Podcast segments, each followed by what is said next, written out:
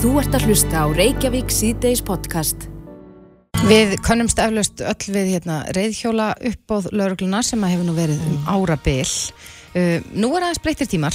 Þetta uppbóð uh, heitir sennilega, samkvæmt mínum bestu upplýsingum, net uppbóð óskilamuna. Já, Þannig að þetta er orðið aðeins víðara, Víðara. samhengi, skilst manni. mér finnst alltaf sko þegar lauruglan er með þessi uppbóð, reyðhjóla uppbóð, mér finnst þetta að vera svona vorbóði, finnst það ekki svolítið Jú, líka? jú, ég held að ég get tekið undir það þess.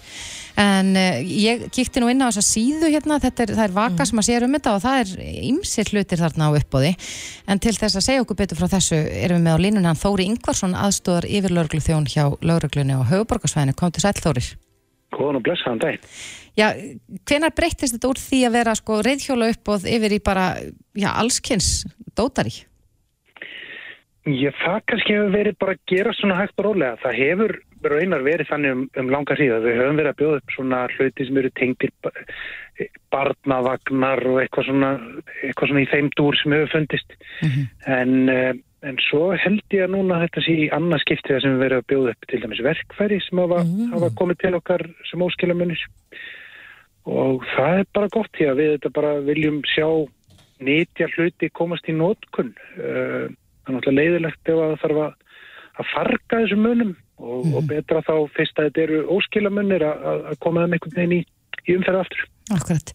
Eh, Hefur það verið kannað eða er það vita hvort að, að eitthvað af þessu gætir hennilega bara verið þýfi? Bæða af reyðhjólum og verkvarum? Ég það náttúrulega bara í raun og getur alltaf verið og það er alltaf reynd í raun og að kanna hvort að þetta geti tengst eitthvað skonar sakamálum en, en í mörgum tilökum að þá bara er þetta, fól, er þetta hluti sem finnast bara hreinlega út á víða vangi og eitthvað slíkt og, og ekki að tengja við, við neitt munum. Við reynum alltaf að, koma hlutum til eiganda sinna, það er náttúrulega bara ski- skylda okkar nummer eitt. En bara því miður og þá bara tekst það ekki alltaf þrátt fyrir mar margvíslegar tilraunir. Við þetta reynum að bara rannsaka hva- hvaðan þetta geti komið, síðan þetta reynum við að auglýsa þetta á, á hérna óskilamönnavefnum okkar og, og það er búið að reyna ansi margt áður en þetta er í raun og veru búið upp. Mm. En segðu mig, núna er þetta á netinu og það byrjaði þannig fyrra eða ekki. Var eins mikil þáttaka, fannst ykkur að þetta skulle hafa verið á netinu, heldur en þegar fólk gætt komið? Já, Já. það, var, það var svona okkar, okkar tilfinning að fólk væri bara, sko í fyrsta lagi náttúrulega bara mjög ánægt með þetta því að þetta svona uh, gamaldags upp og það náttúrulega krefst þess að maður þurfa að vera á okkur um stað á okkur um tilteknum tíma og, og uppbóðið líka fer þannig fram að það er kannski ekki mikið, mikið, mikið tækifæra til þess að skoða munina áður sem er verið að bjóða upp. Uh, þannig að, að þarna í raun og veru þá, er, þá, þá teljum við að bæði að þetta sé miklu svona gegnsærra, fólk sjáu betur hvað er að gerast, það, sér, það hefur lengri tíma til þess að velta þessu fyrir sér, það hefur betri tækifæri til þess að skoða munina og velta fyrir sér hvort að það jafnilega sé að bjóða eðlilegt verð í munina með ástand og svo framvegs. Og, og svo bara einhvern veginn er þetta líka jafnari tækifæri því að, að það er ekkit allir sem komast eh, á okkur tiltekinn stað á okkur um okkur um lögati klukkan tíu mótni eða eitthvað sko. það, er, það er bara þarna er bara mjög rúmur tími og, og, og þannig að- við erum í raun og veru bara mjög ána með þetta fyrirkomulega og, og, og, og svona fólk er mitt haft samband við okkur og sagt hvað sé sátt við, við að hafa þetta svona. Akkurat. En hvernig fer þetta fram? Nú sé ég til dæmis að, að ef ég myndi vilja skella mér á einn Divolt Sleepyrock sem er þarna á uppbóði og ég sé að núverandi bóð er 22.253 krónur. Já. Verð ég þá bara bjóða betur og vona það besta? Já, það er raun og veru bara þú bara býður betur og, og, og þá bara gi- gildir bóðið þitt tanga til á, á sönnudaginn. Þetta er raun og veru eh, mannrétt ára skipt upp í svona þrjú hol og þeim líkur á mismöndi tímum og það er líka gert til þess að ef kannski fólk býður í til ekki reyðhjól og það færi ekki reyðhjól eða þá getur að skoða hvort það sé eitthvað í næsta holi sem það vilja bjóða frekar í. Og, og þá er og veru bara býður þú og, og fylgist svo með en auðvitað er það þannig með svona uppbóð að þeim, þeim náttúrulega líkur okkur um tímfundi þannig að oftast hækka þau mest undir lokin sko. Akkurat, en þetta er í gangi til 29. mæ þannig að eh, maður verður að vera duglegur að fylgjast með hvort að verðin sé að rjúka upp. Já, og fylgjast með á sönnudaginn hvort hvernig gengur og, og, og hérna, og svo þetta getur fólk bara sett inn tölu og, og bara vona að það sé nóg, það er bara líka, líka bara mjög gott, sko. Býtu hvað, er þetta vaka.is, fer maður inn á það? Er, er þetta ekki vaka uppbóð.is? Já, Vaka uppbóð.is, akkurat, jú. Það er allavega fréttin á lauruglan.is það sem er í raun og veru hérna hlekkurinn og uppbóðið svo erum við líka með svona event Það er, það er ekki bara fermingar og ammali, það eru, það eru líka óskilamann uppbóð sem eru á íventum á Facebook. Þannig að við settum svona einu ívent þannig að fólk geti, geti fylst með þar líka. Akkurat. En, en þá eru segjum sem svo að, að ég sé nú bara hérna að skoða uh, úrvalið og kannast nú aldeilis við eitthvað hjól sem að ég tel mig jafnvel eiga eitthvað sem að var stólið frá mér eða ég týndi eða glemdi henni í bæ eitthvað tímann. Getur maður einhvern veginn reynd að færa sönnur á það að, að hluturinn tilheri mann sjálfu Bara algjörlega. Og, og við höfum raunar lengt í því held ég allavega eins og tvissar að fólk hefur bara dreikið upp stóra aug og sagt, heyrðu þetta er reyðhjóla mitt. Mm. Þá bara hafa það samband við okkur og, og, og oftast er fólk með eitthvað kvittun eða jafnvel myndir af uh, muninum eða eitthvað slikt sem getur sí, sínt fram á að það eigi þennan tiltekna mun. Mhm. Það var bara hafa samband við okkur og við höfum alveg kipt munum út af, út af uppbóði allavega eins og tvissar emmitt í kjölfar þessa. Því að þetta viljum við bara munum komist til eigandi sinna. Það er, það er, það er okkar krafa og okkar ósk alltaf en, uh, en annars þá, þá þá er þið bóðinur upp ef, ef engin en svo er líka ágætt að nefna að allt sem er þarna er búið að vera í vörslu lauruglu í eitt ár og eitt dag að minnstakosti þannig að flesti munir sem eru þarna eru búin að vera tölvörs lengur en eitt ár. Þannig að hérna. Og svo eru þeir líka búin að vera inn á óskilamuna vefnum okkar. Þannig að við, þannig að við reynum og leggjast mikið á okkur og bara gerist mikið við mögulegast getum til að, til einmitt að finna að, að þeir komist heim aftur en, en kannski rétt í lókin hvert fer ágóðin af, af uppbóðinu? Hann fer í raun og í það sem kallast löguruglu sjóð og þetta er mörguleiti mjög svona, uh, hvað segja, gamaldags fyrirkomulag. Þetta er uh, lögin sem eru verið að fara eftir eru svo kvöldu kansilíbref uh, sem var held ég frá 1780 eitthvað, 1789 ef maður rétt, þegar grunnurinn að því. Og, og þar eru, eru, eru leiðbenningar um hvað, seg, hvað skuli gera við fundamöni og fundi fjö í kaupstöðum og, og þar segir að fjöð skuli, fjöð sem, sem kemur til af uppbóðinu skuli, skuli fara í þennan lögruglu sjóð og, og hann í raun og veru starfar ennþanda í dag og er í raun og bara veitir, veitir fjöð til ímiskona líknamála og það sem uh, gerist í raun og uh, með uh, kannski Uh, já, eða, eða kannski það sem væri ágætt að nefna er að, að við hefum líka bent á að mögulega væri komið tími á lagabreitingu, það er svo sem alltaf að breyta lögum á nokkur hundra ára fresti og, og kannski færa þetta svona til nútímulegri meðri hátta og, og þetta bara rennir reynlega í ríkisjóð, þetta er þetta bara lagabókstafurinn og við förum eftir hún. Akkurat. Já, þetta hófst í gær og, og þessu líkur á sunnudaginn og við bara hvetjum fólk til þess að kíkja henn og vaka upp á punkturis en Þórir Ingvarsson, aðstofar yfir lauruglu þjótt hjá lauruglun á höfuborgarsvæðinu. Gæra þakki fyrir Takk þetta. fyrir þetta. Takk fyrir mig. Þú ert að hlusta á Reykjavík C-Days podcast. Ég held að, að já, margir segi nú loksins, nú eru nokkuð margir dagarliðinu fyrir kostningum en það virðist eitthvað vera þokast í, í átt að meir hluta viðræðum það er hófust, má segja, formulega í dag þegar að uh, samfélkingin, framsókn, uh, píratar og viðreist heldur bladamannafundi í grósku í dag Mm. og við Þetta höfum- þokast allt nær, þetta góður hlutir gerast hægt, Já, að segja. akkurat Þannig að, og við veitum að, að það þarf nú að vera búið að mynda me- meirhluta núna í byrjun júni vegna þess að já, Já. Borgarstjórnin sem er núna við völd hefur uh, í raun og veru bara umbót til fyrsta júni já. þannig að hlutinu þurfa greinilega að gerast svona nokkur hratt en það er spurning hvernig hljóðið er í borgarstjóra Dagabí Ekkertsson er á línunni, kom til sæl Komið í sælar. Já, Það er gott hljóðið mér. gott hljóðið þér, það er nú gott að heyra Eh, Ertu, ertu bjart sitt ná að, að þessa viðræður gangi vel dagur? Já, ég er það reyndar. Eh, Það er alveg rétt hjá ykkur að, að eh, það er uh, daldi óvanalegt að, að meirfjölda viðræður hefist ekki fyrir meirinn vika er síðan kosi var. Mm En það er kannski bara uh, endurspeglar þessa stöðu. Uh, uh, flokkarnir voru svona að þreyfa fyrir sér í, í viðræðum og, og það var viljið til þess að láta reyna það greinilega hvort að sjálfstæðarflokkurinn geti myndað meirhluta, kannski getur við sagt til hægri, sem reyndist ekki. Það reyndist ekki vera stuðningur 12 borgarfulltrú á mismöndu flokkum í það. Þannig að, að e, e, þeir flokkar sem að sem að bóðuðu til meiruluta viðrana í dag hafa í þessum treymingum fundi býstna góðan svona uh, málumlegan samhjóm sem að við viljum láta á reyna Mhm. uh, og, og þannig að við gerum aðfrið því að, að sitja við næstu daga og, og hérna fara yfir málefnastöðuna. Akkurat, nú hefur uh, Hildur Björnstóttir oddviti sjálfstæðisflokksins ásamt fleirum í sjálfstæðisflokknum og sagði ykkur um einhvers konar útilokunar pólitík með því að, að mynda þessa blokk sem þið gerðu uh, flokkarnir þrýr eftir kostningar. Hvernig bregstu við því og, og, og uh, er það þess vegna sem ekki var hægt að mynda meirluta með öðrum hætti en þessum?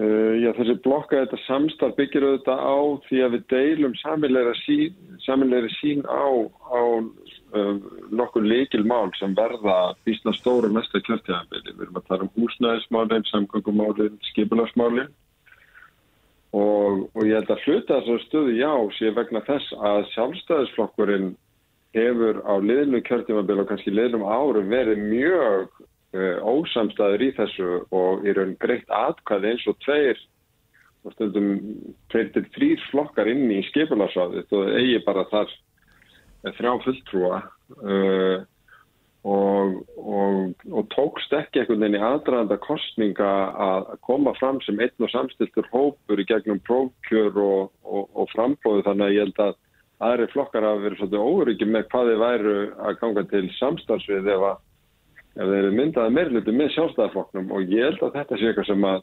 sjálfstæðarflokkunum verður svolítið að líti eigin barmið og, og, og vinna úr ef hann ætlar að vera sko, stjórntækur í Reykjavík. Mm -hmm. En eh, Dagur, nú hefur verið já, mikið deilt kannski um það hvort að, hvort að framsókn sé með þessu, með þessum viðræðum og, og mögulega meirluta að, að reysa við fallin eh, meirluta ykkar uh, og svo var kannski ljóst af kostningunum þegar að framsókn nærin fjóru mönnum að, að það er ákallum breytingar uh, verða breytingar í borginni ef að, ef að þið myndi meðluta? Já, framsóknum er alveg verið að skýra á því að, að þeirra umbóðfælti því að uh, knýja á um þar breytingar sem að flokkurum bóðaði í sinni málumnastöfnum skrá og ég held að það sé uh, ágæti samhjámur með þeim flokkum sem ákvaði að setja sniður í dag Eh, við þetta þurfum að, að eh, ræða hugmyndu þeirra og, og annar í þessum hópi betur næstu daga en, en ég held að það sé alveg ljóst að, að það er ekki sömu flokkar og voru í fráfrandi meiri hluta sem að sita við þetta borð. Og, og það eru líka hérna, ymsar breytingar og, og tilkoma framsóknar inn í hópin eru þetta hérna, nýmæli og bara mjög spennandi að að fá þau aftur inn í borgamálinn og, og, og í, í meilhjóta við stjórn borgarinnar. Þannig að já, ég held að fólk eigi sannlega vona á, á nýjum áherslum í bland við e, áherslur sem að þessi flokkar e, hafa staði fyrir og, og eru allir sammálu um að skipta máli fyrir næstu ár. En nú eru eflust margir sem býða spenntir eftir því að heyra hver verður nú borgarstjóri næsta kjörtjumbil. Eh, er það eitthvað sem verður rætt strax á fyrstu stegum álsins eða eh, rétt í blá lokin? Já, eh, verkaskipting kemur yfirlega eftir umfjöldun um leikil málefni. Mm -hmm. Já, það er náttúrulega ekki til neins að skipta verkum ef það er ekki sáttum þar sem mestum ári skipti sem er, eru málna á að slutna. Þannig ég held að flesti meiri hluta sem eru myndaðir að, að þeir láta það býða svona þar til í restina. Akkurat. Færð þú fram á borgastjórastólinn? Uh, ég, uh, ég hef aldrei gert það að, að neina úsleita atriði uh, í, í fyrri meiri hluta myndunum og, og hef ekki gert það núna. Það er, er hérna, eitt að bara enginn okkar kostningakerfi, það er ekki kosið um einstök ennbætti Við vitum að, að stærstur hópur borgar uh, búa vildi mig áfram um 35% en það var bara eitthvað sem meldist í kunnunum og það er ekki byrjulegis kosu um það þannig að nú þurfum við að, að koma okkur bara saman um verkarskiptingu, ekki bara borgastur ennbætti, heldur líka önnur ennbætti mm -hmm. og, og, hérna, og þar starf allur hópurinn að ná saman þetta, það skiptir ekki bara máli hvað hérna, mér eða, eða öðrum finnst, við þurfum að ná saman sem hópur sem allir að vinna saman ekki bara hérna, nokkra daga heldur í fjögur ár. Já, eh, kannski rétt í lokin, eh, kæmi til greina að hreinlega ráða utan að komandi borgarstjóra? Einhvern fagráðum borgarstjóra? Það hefur aðeins verið umræðinni. Já, það hefur stundum verið gert uh, og, og það eru mismunandi skoðanur á því en, en uh, það er nú ekki eitthvað sem að ég held að bara engin flokkur hafi verið með þá stefnuskáni uh, hjá sér fyrir þessa borgarstjórnarkostningar. Nei. Þannig að, að, hérna, að það verður ekki verið mikið um það. Nei, rétt í blálókin þá langar mig að spyrja varandi tímaraman nú sagði ég frá því hérna áðan að þegar hafið umbót til fyrsta júni verður komin niðurstað þá?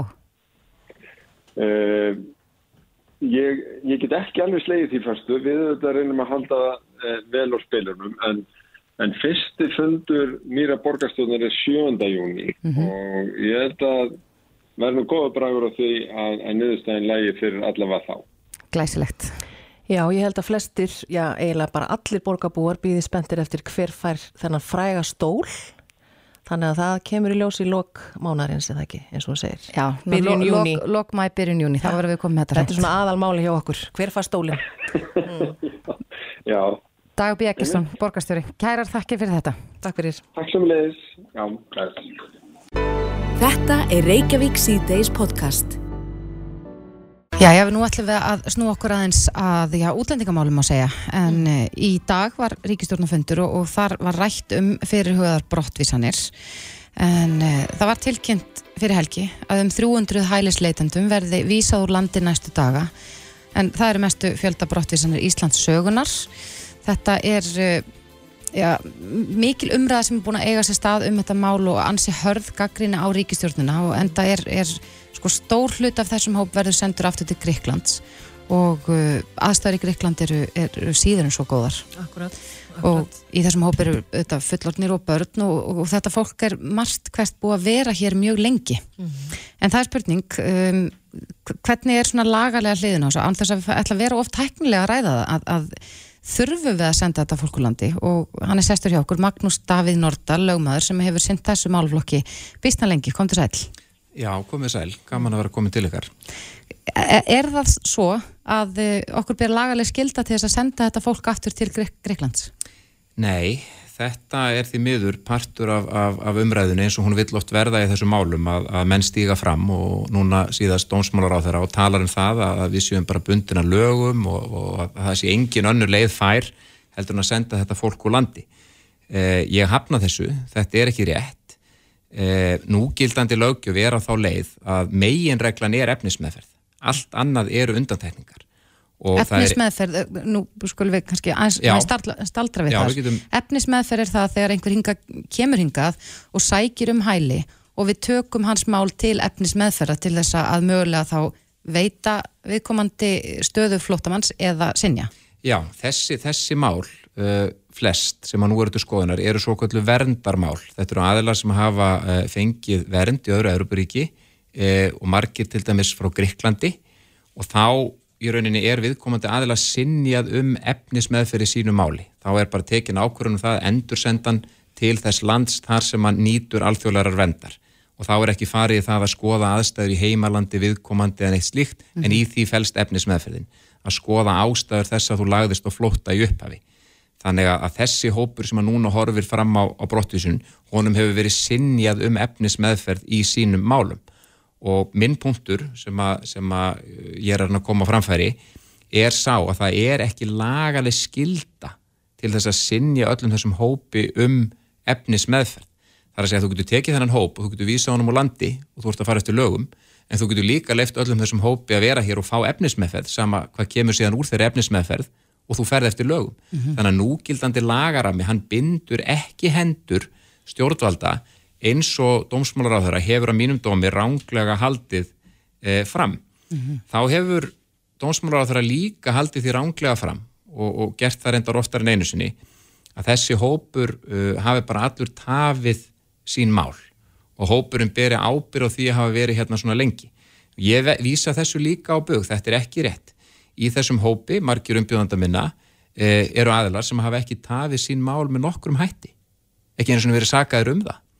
Eh, þar fyrir utan þá er ákveðin hópur sem að hefur verið sakaður um tafir. Það líkur alveg fyrir.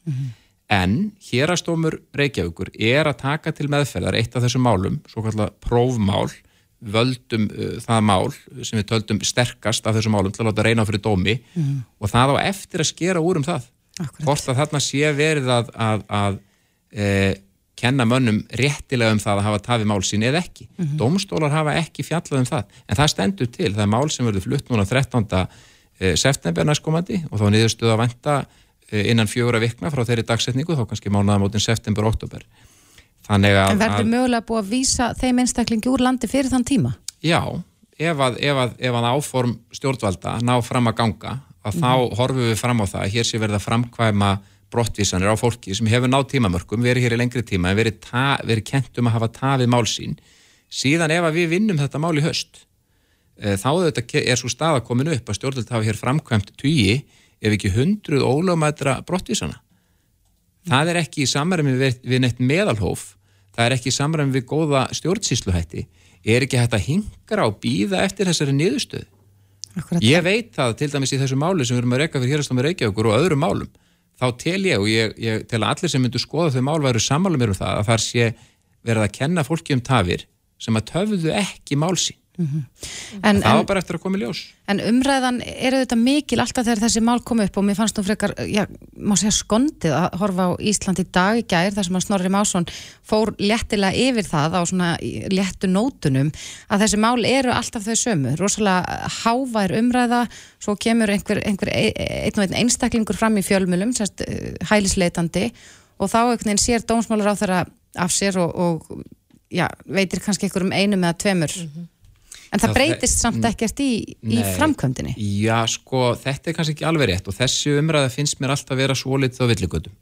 Vegna þess að þeir aðilar sem að vilja svona kannski aukna hörku í kerfinu, þeir eru alltaf að tala um það að við mögum ekki taka hérna einn aðila framfyrir og veita honum einhverja sér meðferð en við verðum að hugsa um eðli og inntak mannréttinda baráttu og hvernig hún fer fram. Hún fer fram í gegnum stökmál það eru, eru stökmál sem að fara í gegnum kerfið og vinnast og riðja þá brautina fyrir alla sem á eftir koma og eru í sambarlegri stöðu.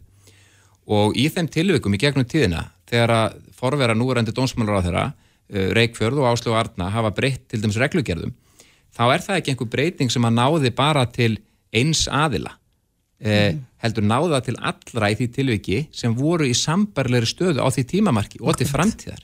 Við erum enn og ég er enn í dag að njóta góðs eh, í mín, þeim málum sem ég sinni á grundvelli reglugerðabreitinga sem að forverar Jóns Gunnarssonar settu.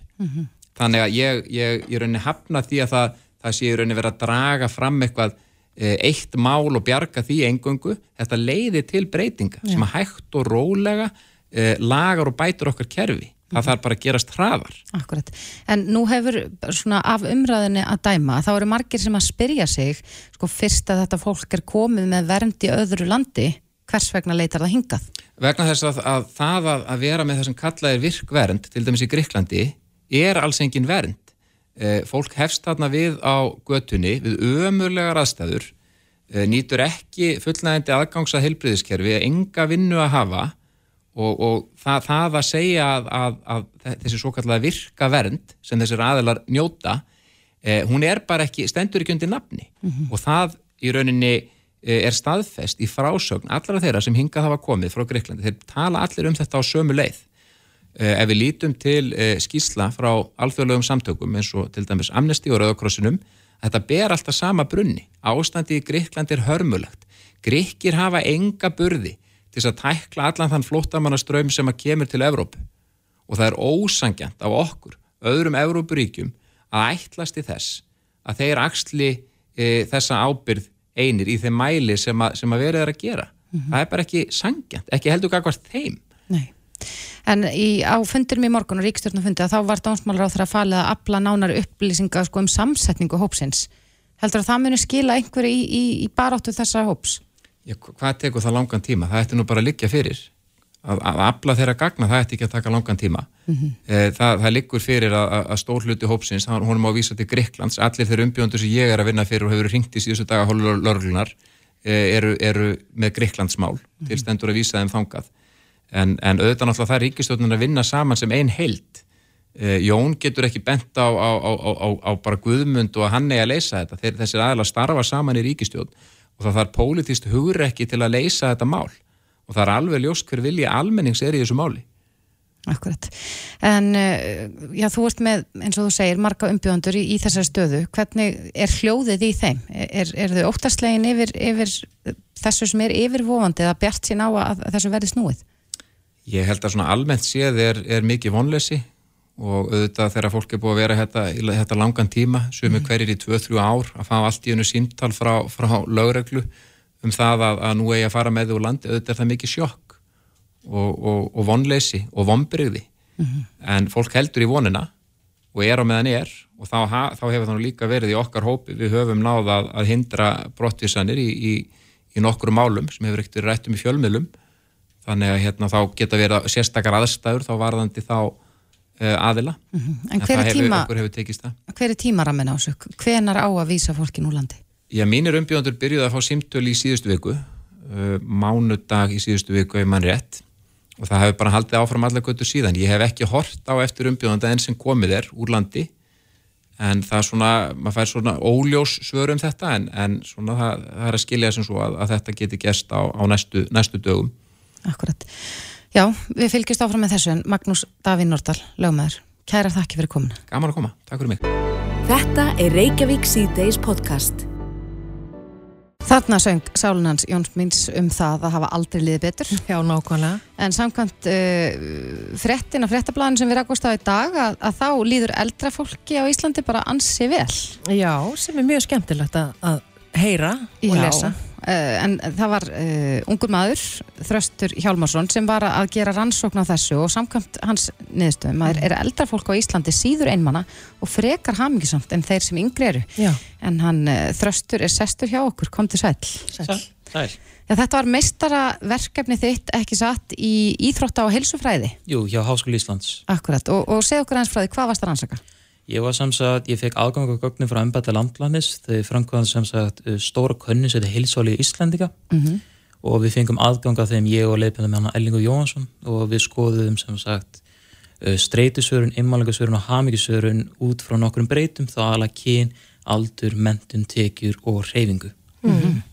Og hverjar eru helstu niðurstöðun? Ég saði nú aðeins hérna uh, frá þeim, en, en getur þú farið aðeins já, betur yfir það? Já, sem sagt, uh, konur voru þá líklegri til að segjast ofta mjög ofta upplifað mikla streytu og einmannleika á meðan engin meðinu greindist varðið með hamingju á milli kynjana og eins og komið fram að eldri eldst aldursópurinn, þá 67 ára eldri voru líklegri til að segja sjaldan aldrei upplifað mikla streytu og einmannleika Mm. og vera hamingjusum þegar búið saman við yngst aldursópurinn, þá 18-30 ára Mm.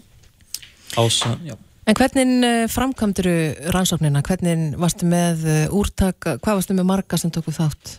Þetta er, já, þetta er bara frá einbælda landlæðinsgögnin sjálf rauninni og þeir fengu, þeir sendu þá kannuna á tíus manns Mm -hmm. og fengu þá tilbaka um það vel 70% uh, svör, Svörun, já.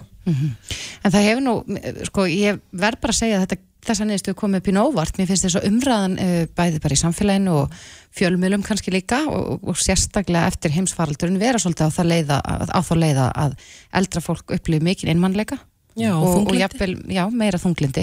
Uh, kom, komið niðurstöðuna þér á óvart? Þeir gerðu það í rauninni en ég, með því að ég skoða aðeins betur varti með aðra rannsóknir ellendis frá Mhm. og þeir benda á að það getur stuðst uh, tvær kenningar, annars vegar svona tilfinningarlega sérsækni, ja, sértækni í tilfinningarlega visku Mhm. og síðan uh, sér uh, tilfinningarlega visku sjálfa. Akkurat, er þetta þá eitthvað sem að ekst með aldrinum eða hvað? Já, þetta er þá þannig að sértækni í tilfinningarlega visku í rauninni, það var þá að eldri aldursókun eru með færri tengsl með við þá yngri, en þessi tengsl eru, með, eru mjög ná, eru mjög náin og mjög kær fyrir þau Mhm. á samt, já, bara með hægt eldri þá öðlust við meiri visku og meiri svona tilfinningarlega yfirvögun sem svona myndi ekki koma strax við yngstaldusópin. Þannig að það er í raun hægt að segja að, að eh, maður verður kannski hamingisamar og minna einmanna ef maður er með fáa mjög nána nálægt sér, heldur en kannski fullt af fólki sem að, maður tengist lítið. Já, þú veist, minnst kosti svona gæða sambönd svona sem er mjög náin og mjög kær, myndi ég segja. En þú sagðir að ein breytan þarna hefði verið reyfing, var hægt að sjá einhvern, þú varst nú að gera þetta í, íþrótta og helsufræði, Já, um, er hægt að sjá tengsla milli þessa að því meira sem fólk reyfir sig því hamingisamara eða ekki það verður? já, það var sem sagt kom út frá því að einstaklega sem uh, voru snunduð mikla hreyfingu, þá var hreyfuð sér sex daga upp í alla daga vikunar, voru líklega til að segja að vera hamingisum með þá sem fengu litla hreyfingu og þeir voru ólíklega til að upplefa mikla streytu og einmannleika. Já, þannig að bet, því betri heilsa því hafmyggjusamari eru viðkomandi. Já, Og þetta var upp eh, 67 ára og eldri. Já. Hvað var gamall, eða hvað aldur elsta hópsins? Það var elsti þáttakandi, ég skoðaði ekki neitt náttúrulega Nei, það. svona það- sirka. Það var ná, svona nálgast nýrætt. Já, ok. En, en eh, já, þetta hlýtur þá að, að svona undirstrykka það hversu mikilvæg heilsan er okkur, bara upp á hamingju og streitu og einmannaleika og allt það sem að, að tala er þarna upp og ættum við ekki bara að byrja fyrr að, að ebla slíkt? Jú, en það segi hérna að það þarf að efla heilsisamlega samfélagi í kringu þá þess að yngst aldursopin 830 ára.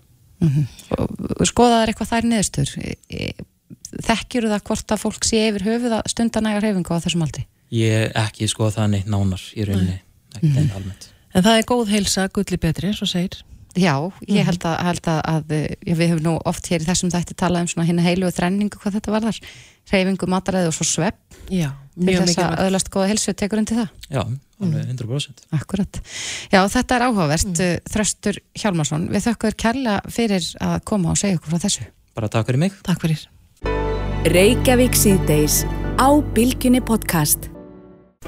Einhvern tíman hérna á síðasta ári þá heyrðum við í manni uh, á grundaferði hann heitir Ingi Hans Jónsson og við tillum hann nú bara sögumann eða sagnamann eða eitthvað slíkt.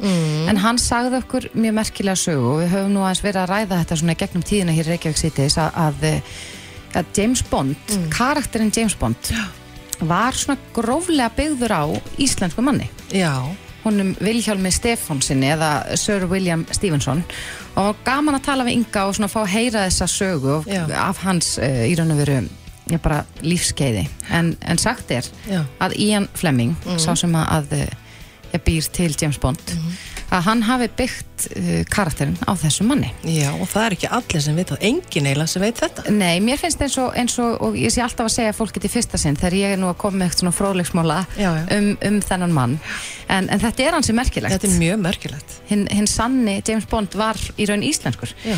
en núna í dag er að opna mjög merkilegu staður í miðbæri Reykjavíkur sem er sögu kjallari um hinn sanna James Bond Tilengaður James Bond. Akkurat. Já, mjög Þeir eru merkilegt. sestir hérna hjá okkur Hugi Reyðarsson og Bogi Auðarsson sem eru eigendur að þessum sögu kjallara komið sælir Já, takk fyrir það. Sælir. En þetta er búið að vera lengi í vinslu Ég var að segja ykkur þegar við áðan þegar við hittumst fyrst að að það er langt síðan að ég sá svona eitthvað smá auglýsingu fyrir þetta og nú er þetta loksins að raungerast Já, rétti það. Við erum búin að vera í, í sjö ára að undirbúa, undirbúa þennan ágæta kjallara.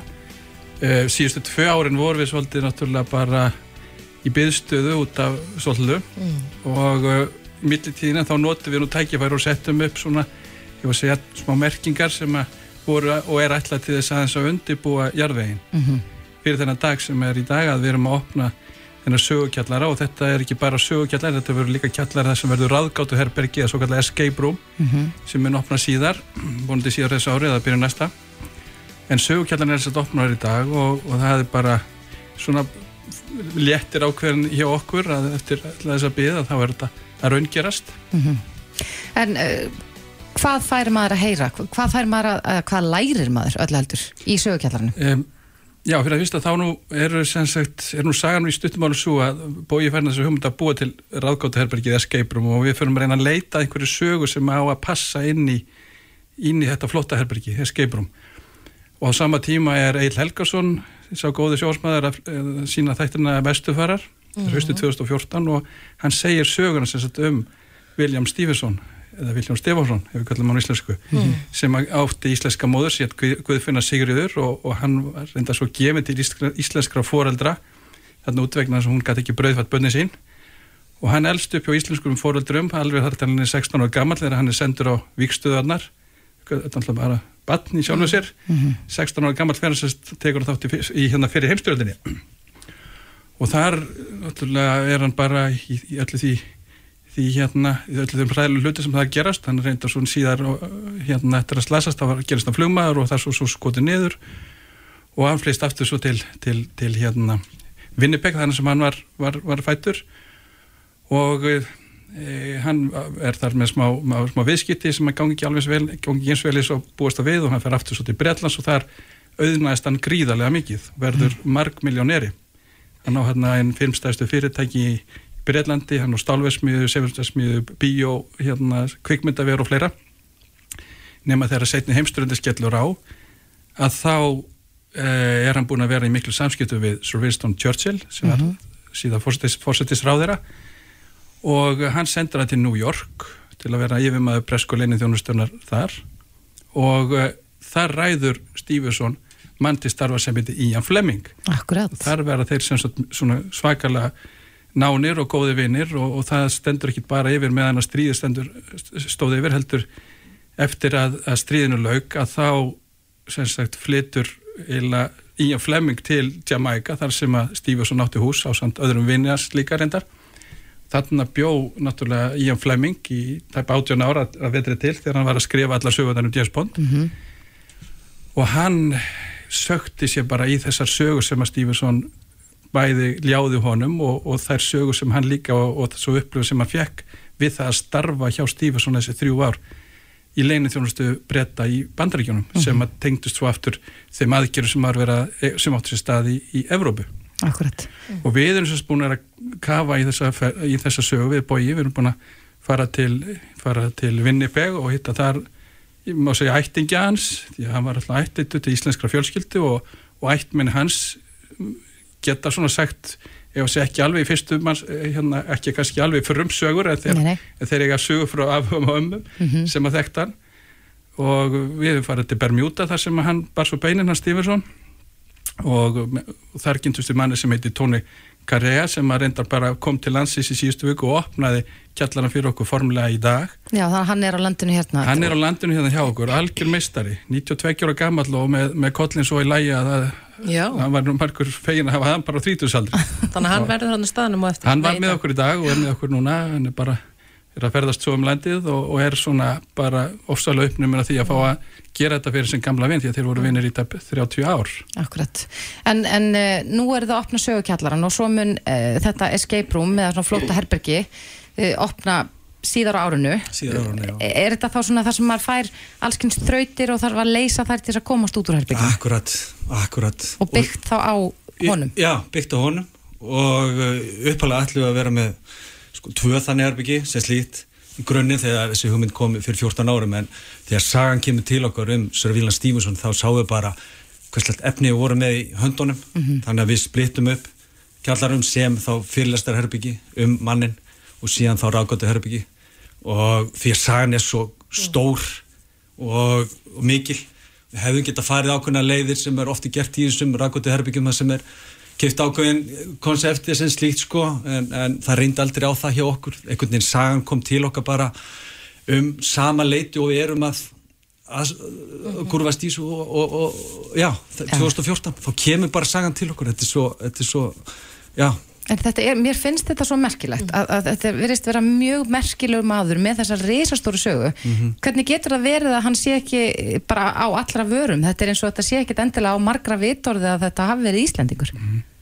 Það kemur meðal annars til því að eftir að stríðinu lauka þá náttúrulega tók hann þátt í hann hafði tekið átt í miklum aðgerðum sem að sem að það voru ekki allir sáttu við. Og, og, og Tóni sá okkur það að hann, hann hefði sagt um ekkert og hann hefði meðal annars verið á, á hitlist hjá Hitler. Bara þjóðverðar vildu hann fegan sem að þýttið meðal annars að það að hann bara dróð sér hlið eftir, eftir að stríðinu lauk var, var mjög var um sig helt öllum svona í ákveðin fjarlæð þeir sem að kynntust honum að það, það voru bara mjög valdir einstaklingar. Þannig að öll, öll, allt það sem gerðist eftir setni heimstöldum var hann mjög passa safi með að láta ekki spyrjast út. Hins vegar kemur út bókum hann 1976 þá var hann alltaf komin já, áttræðis aldur þá kemur sérst fyrsta formulega bókin út um hann sem að hétt a man called Intrepid. Og þar með var svolítið hölunni lift, lift, hérna, svift á honum. Og hann komst mikið í heimsfyrirtunar og, og bókin seldist í 7 miljónum eintaka. En það var 1976 og svo aftur hefur svolítið snjóað yfir það. En, en það var aldrei þessi, þessi sterka tenging kannski hefur ekki komið fram með þennan vinskap Stevenson og Ian Fleming fyrir það sem við erum núna að fara að segja það í kjallaranum. Við erum með bara tæknin í dag með leitarvélum með, með söpnum þar sem hægt er að, að hérna flett upp í gömlum dagblöðum og þú fær aðganga 5 miljónum eintaka þá allt í hennu getur tengi, fundið tengingar sem var bara ekki hægt að gera fyrir 10 árum síðan. Akkurat, þannig að þetta hefur verið mikil heimild að vinna. Já, þetta var mikið heimild að vinna hérna hjá okkur. Og uh, þegar við vorum með- fyrsta fyrstu tilbúin eða fyrstu draugin þá tók þetta þrjá tíma og bara, heyrð, veist, það er ekki söluvara það er Nei. enginn að fara að nennan það er ekki á tíma hjá okkur þannig að við þurftum að skera þetta niður og skera niður og skera niður og við erum konum með þetta í klukkutíma og rétt rúmlega það, við hefðum viljað hafa þetta aðeins stittra en, en hérna við erum búin að hafa þetta svona nokkra uh, svona, hvað kallum við þetta bói? Pröfufyrirlestra? Pilot, já, já. Og hérna og allavega viðbrun hafa verið fín og þetta er svona passlit fyrir ykkur starfsmannhópa sem að vilja gera þessu eitthvað öðru svo líka fyrir þá sem hafa áhuga á þessum, þessum, þessum sögupersonu James Bond sem að í okkar, okkar áliti bara væri hann líklega ekki til ef að Stevenson hefði ekki ljáðunum alla þá þekkingu sem að hann bjó yfir. Og ég held að og ég mér fullir af það þeir sem að koma til okkar þeir munu horfa svolítið öðru í sjá myndinar við erum hérna sterkar tengingar bara milli mynda sem að hafa verið gefnur út sem að tengjast atbyrðum sem að Stevenson annarkvort tók þátt í eða sá hann frá eða, eða annan nátt eru, eru þannig tengdar saman að, að ég okkar láti þá bara hefði myndin úr allt öðru sem að, þetta, að hans hefði ekki notið Nei. Og hefur áhuga ykkar á James Bond verið bara alla tíð? Hafið þið haft? Hann er stöður, já, já, en náttúrulega bara frá 2014 hefur hann náttúrulega bara Já. þú, með þessum þið séð alla myndirnar og... já, já, flestar, flestar skulum vera það, Já. já, já. En, en er margt, af, þið, þið talið um sögur sem að, að Stefansson eða Stefánsson Viljámur segir í hann Flemming um, nú ætlum ég ekki svona þykjast vita mikið um James Bond eins og ég sagði hann, ég hef ekki enn, enn séð henni einustu. En, en maður þykist nú vita að hann var hérna nú að fá sér shaky not stirred drikki og, og eh, kannski svolítið kvennabási á það verið auka stiðast Stevenson sjálfur var, var ekki þessi eins og, eins og já Flemmingur að romantíska útgáðan af James Bond.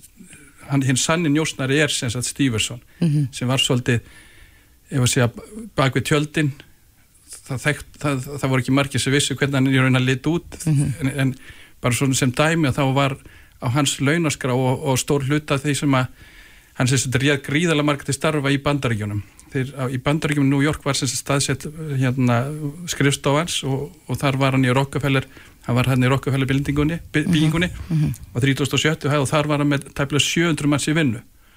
Og hann var með að, aðra 700 aðalegi vinnu vitt og breytt um bandaríkin og í Rómursku Ameríku.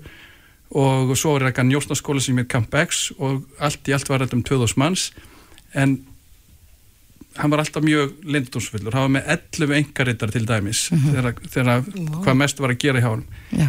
en allir þeir, hvað segja tengslans ná svo rosalega víða í, í allt sem að tengdist breytum og, og all- allur strísrekstri breyta á þessum tíma, hann, hann er sérst sendur til bandaríkja til þess að hjálpa breytum að fá bandaríkjamenn til liðsvið sig Akkurat. það er það sem hans hlutverk var og hann, ef að það hefði ekki það, ef að það hefði ekki tekist sem að reyndar margt, sem að spila inn í að bandaríkjumenn fóru í til, liðs- tóku, fóru til liðs við breyta en hann var leikil maður í að það, það gekk svo vel eins og raun bara vitni. En, um, en þetta er nýri bæ, í grófinni? Já, þetta er í grófinni, þetta er beint á móti borgarbókasamninu og við byrjum með eitt fyrirlistur á dag, alla virka daga, bara klukkan fjögur.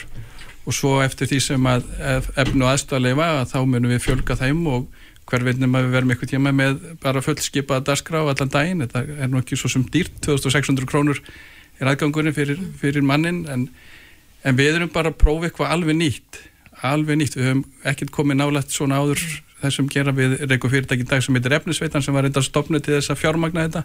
Hefur gengið fínt þar en en þetta er sérst alveg nýr vettvangur fyrir okkur. Já, við hvetjum fólk til þess að kynna sér málið inn á trúspæ.is en uh, Hugir Heiðarsson og Bói Auðarsson Kæra þakki fyrir komuna. Takk. Takk fyrir.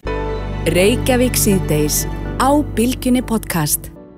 Eitt er vist að við Íslendingar erum mjög dugleg að baða okkur Ó, má segja, við erum með þetta sund sjúk þjóð upp til hópa og uh, Við eigum líka alveg ótrúlega mikið af alls konar perlum bara í náttúrunni sem að við erum búin að vera duglega að nýta okkur sérstaklega síðustu tvö árin. Já, ég myndi segja að ég hef ekki ferðast jafn víða um land eins og ég gerði á síðustu tveimur árum Nei. sko. en, en hins vegar að þá, þá er gaman að sjá þá uppbyggingu sem er eiga sér stað við erum ekki lengur bara með almenningssundlögar Nei, sem nei. við þekkjum og eru dásamlegar eh, sem slíkar en hins vegar þá er líka víða um land að opna alls konar svona, aðeins meiri svona luxusböð Já, Við þekkjum auðvitað Geosi og Húsavík og Vög fyrir austan og eigirstöðum. bjórböðin hérna fyrir norðan og Akkurat. og skælagún hérna og náttúrulega. bláalóni, það má nú ekki Já, gleyma er sem nú alveg kannski sko. startaði þessu öllu saman en hins vegar núna um helgina þá opnuðu skóarböðin Mm. Já. og af myndum að dæma að þá er þetta Rosalega flott. alveg ábúrslega við erum með á línunni hana Tinnu Jóhannsdóttur framkvæmdastjóra skóabæðana, kom til sæl Tinna Komiði sælas. er þetta ekki svolítið rétt metið hjá okkur að við erum frekar svona Við erum Baðsjúk. Baðsjúk Jú, þjóð. ég held að svona upp til hópa því við bara komin svolítið inn á þennan svona gýr einhvern veginn að að, hérna, ferðast um landi og baða okkur og ef við sækjum einhver áningarstæði þá er það hluti af því að upplifa skemmtilega hluti þar að dýfa sér ofan í einhverja fallega laug. Náttúruleg. Mm. Náttúruleg. en, en eh, já, skóarböðin er nú aðeins svona kannski frábröðin má segja, þeir eru að nýta þarna vatn úr vaðlaheða göngum ekki satt til þess að, að dæla í böðin Jú, við nýtum vatni þaðan og að öðru leiti erum við líka bara frábúðum þegar það sækja að við erum þetta uh, inn í litlum skógi uh, sem að veitir okkur svona ákveðna veður sælt og kyrð og fuglasöng og bara svona ótrúlega mikla og sterkar tengingu við náttúruna þannig að hérna umhverfi hérna er eiginlega bara í einu orði sett burkustætt myndi ég að segja. Já, svona eitthvað sérstæða, það er umhverfið í kring.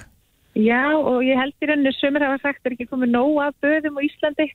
Ég held að einmitt fyrir þessu sakir að þau eru öll svo ólík og hafa öll einhvern veginn sína sérstöðu. Mm. Jáfnveg þó að arkitekturnar að þeim mörgum séu þau sömu þá, þá eru þau öll í eðli sínu ólík og svona þú veist hafa mismunandi umgjörð um sig. Þannig að ég held að þau séu Ég held að sé erfitt að fá leið á því að ferðast um landið og heimsækja mismunandi böð. mm Ég tek undir það En uh, þið, þið opnuðu bara núna í- um helgina ekki satt Við opnum um helgina og sama tíma opnum við fyrir bókuna síðan okkar líka. mm -hmm. Uh, við erum búin að taka móti gestum alveg síðan á sundaginn, bara við frábærar undirtæktir og allir hafa verið svo gladir og hamingisamlega með þetta verkefni okkar hérna. Uh, við erum fann að fá inn ógrinni af bókunum líka langt fram á hausti, bæði frá innlendamæðalum sem og erlendum. Þannig að við erum bara ótrúlega bjartin fyrir sammaldið og, og hérna vitum það að þetta sumar verður Mm. best og skemmtilegt hjá okkur. En segðu mig, þetta er risa stórt eða ekki? Hvað, hérna, hvað, 500 fermetrar og hvað getið tekið á mótu mörgum gestum? Laugin sjálf, við erum með tvær laugar, þær, þær eru uh, vel yfir 500 fermetrar, svo erum við með sánu, við erum með kaldan pott, uh, við erum með tvo eða þrjá hérna, bari ofan í laugunum, uh, svo erum við með svona lítinn bístró veitingastaf hérna, og úti veitingasvæði hérna fyrir utan líka, bara með dásanlega útsinni, með 204 skápa, þannig að við getum tekið á móti þeim fjölda hverju sinni. Wow. uh, til viðbútur við auðvitað þá sem getur setið hérna fyrir utan hjá okkur og, og notið veitinga á, af veitingastanum. Þannig að þetta er alveg upplifun frá að til au Þetta er upplifin frá til lög og við ætlum að vera með opið til miðnættis alla daga þannig að það skapar okkur líka ákveðna sérstöðu að fólk getur komið hérna nótti til, uh, kvöldi til og noti hérna. Og verður það þannig allt árið eða hvað? Já, við stefnum að því. Mm skulum, við ætlum ekki að lofa upp í ermin á mér ef, það er enginn til að heimsækja okkur hérna í haust á- kvöldi til þá endur skoðum við það en ég held að norðurljósin hérna þjóta að vera í myrkrinu og hérna, Dásamlegt, dásamlegt. En, en til að segja mér, nú erum við þetta farin að eh, ég var nú sjálf í ferðalagi um helgina og, og maður sér það bara og maður finnur hvernig ferðamannaströmmun er, er svona byrjaður ferðamannasumarið er nú verið byrjað þó að, að við séum öll ennþá hérna bara í vinnunni en eh, er þið farin að fá til ykkar erlenda ferðamenn líka að hafa aðalega Íslendingar verið að koma undanfarna tvo daga?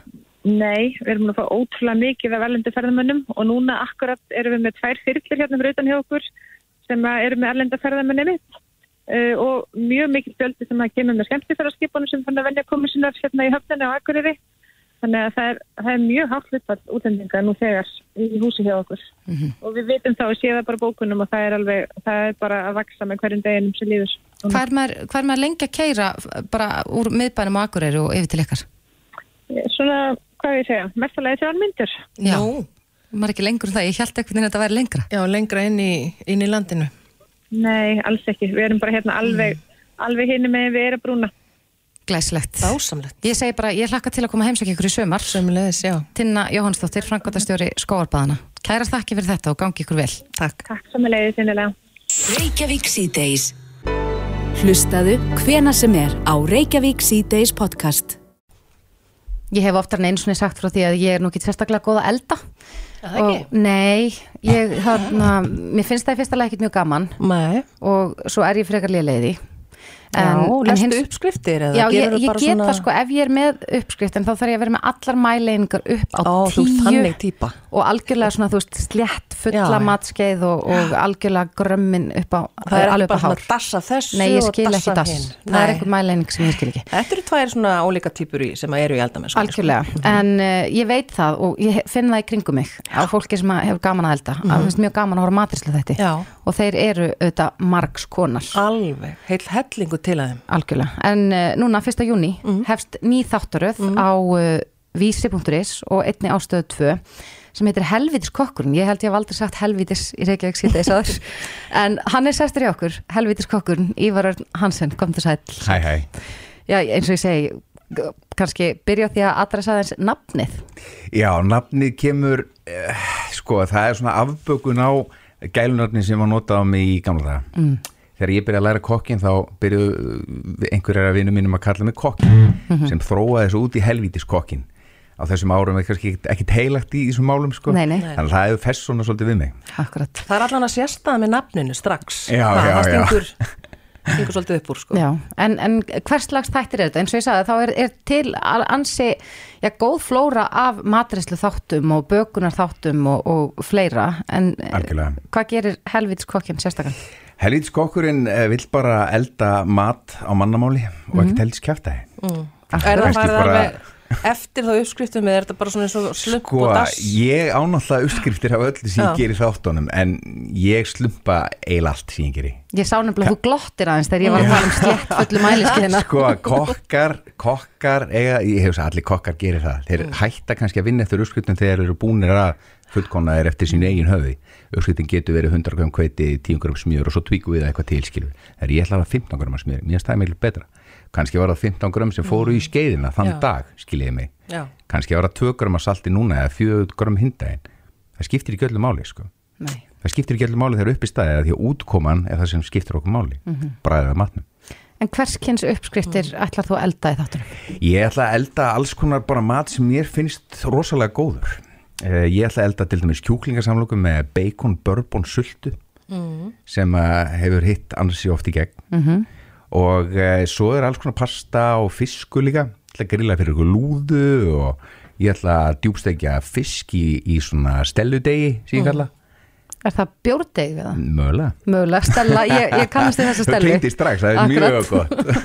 En, en segð okkur hérna, er þetta mjög flóknar uppskriftir? Ég meina, er þetta alveg, er þetta bara fyrir hvern og einn sem ekki hefur mikla reynslu að elda? Getur hann bara Já, stökk, allir stökkt á þetta? Já, ég sko, ég, mér, mér er skott að skilgræna matrislu sem eins sko heimsbyggi Já.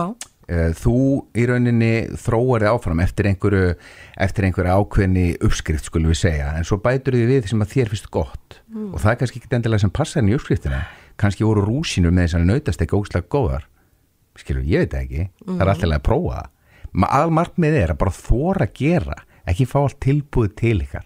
Farið fyrir eitthvað út í búð, kaupið í matinn og eldi, það er ekkert mál þegar upp í stæðin Mhm. Ég, ég byrja að pína ofandar sko þegar þú talar um þetta svona eins, eins og þetta sé svona lítið mál. Svona ég held að kannski mikla ég bara fyrir mér eldamennskuna. Já, svo náttúrulega kannski, sko, svo er ég kannski öðru ról líka, þegar ég er búin að elda 10.000 hambúrgara, þá er ekkert mála að elda hambúrgara, þá gerur það nánast blindandi, skiljið mig. Mhm. Þannig að, veist, það er ekki all, alltaf hægt að miða við, þó að, þó að allir séu frábæri kokkar heima hjá sér, Já. þá er, þá er stiksmunur á því tvennu. Þannig að þetta er svona fyrir alla og svona smá tvista sem að Já, fólk kemur með svona og, og, hugmyndir. og það er allt í læg líka bara að, þú veist, missi gólfið, eða, Já, þú veist, þá bara... Að þú kannski setur það ekki aftur í- Nei, nei, nei, nei, nei, nei, en þá bara tökum við til eftir okkur, það er alltaf leið þú að suppist út um allt, við þrýfum bara yfir um búin. Þú þarft ekki að ofanda. Nei, nei, Þetta ég er er líka svona. ofandar um þetta Alls sko ekki. Nei, akkurat En, en er, eh, er þessi réttir já, út af mér fannst þér svo þú varst að tala um kjúklinga hérna, samloku með bacon og Bacon, bourbon, sultu. Akkurat, Mm, hljómar er vel. þetta svolítið svona djúsi matur Já, sko, Afsakaði sletti. e, e, já, hann er það vegna þess að svo er sko rúsinu pilsvöndan til dæmis í þessari kjúklingasamloku að ég marin er oft, ég nota kjúklingalæri notabenni í, kjú- í svona samloku eh, einfallega vegna þessi kjöti er bara miklu mýkra og það er svo frábært að nota alls konar efni sem engin notar eins og Mhm. til dæmis gúrkusafa safa af súrum gúrkum smá púðusikur og teriyaki-sósu þá ertu komið með geggjaða marineringu Já, heyrðu, þetta er hugmynd. Man er bara festið svo oft í þessu sama fari gerir alltaf sama, Lykilatriði. aftur og aftur það er alltaf go- gott að fá svona hugmyndir En þess vegna eru svona þættir, svona mikið Já. snild til þess að fá hugmyndir sem maður myndi annars kannski ekki endilega. Emmitt, og kveikja í kannski þráni líka bara, herru, ég get alveg gert þetta Mhm.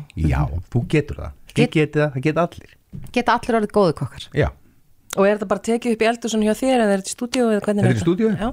Já, mitt eldús er ekki alveg nú stórt en þá Það verður kannski næst, veit það ekki og þetta byrjar 1. júni á 1. júní. vísi.is ok, Það er spurning hvort að ég kvikni einhver ástriðu kokkur í mér eftir að hafa hort. En ég er spennt að sjá, Ívar Örn Hansen, helvítis kokkurinn. Takk kærlega fyrir komuna. Takk fyrir mig takk En nú erum við að sigla í markir Reykjavík síðdeis og ætlum að fara að skipta yfir á fréttastofuna. Já. Við minnum á það að öll viðtölun eru komin bæðin á vísi.is og inn á Bylgju appið. En verðum að sjálfsögðu aftur með ykkur á morgun á slæginu klukkan að fjögur. sjálfsögðu þannig að við þrjú kveðum ykkur bara í dag heyrumst á morgun Reykjavík síðdeis á bylgjunni.